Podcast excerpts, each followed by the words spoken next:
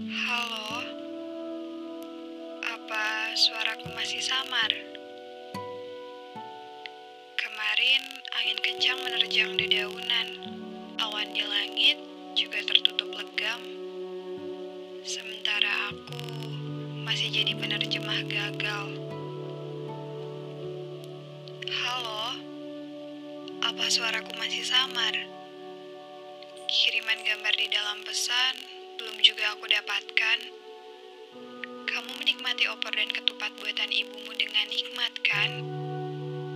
Berapa banyak tempat indah yang sudah kamu pijak? Atau kamu hanya berdiam diri di kamar, sembari menonton film dengan malaikat-malaikat kecil yang meramaikan rumahmu? Halo, apa suaraku masih samar? Aku bahkan sudah mengganti segelas kopi dengan air putih, seperti yang kamu katakan.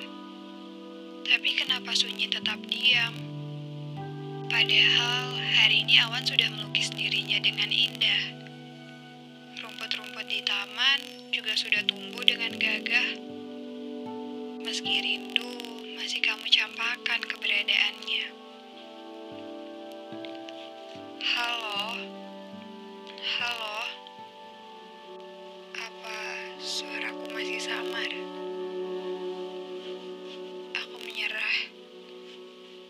Bukan hanya samar, ini tidak ada.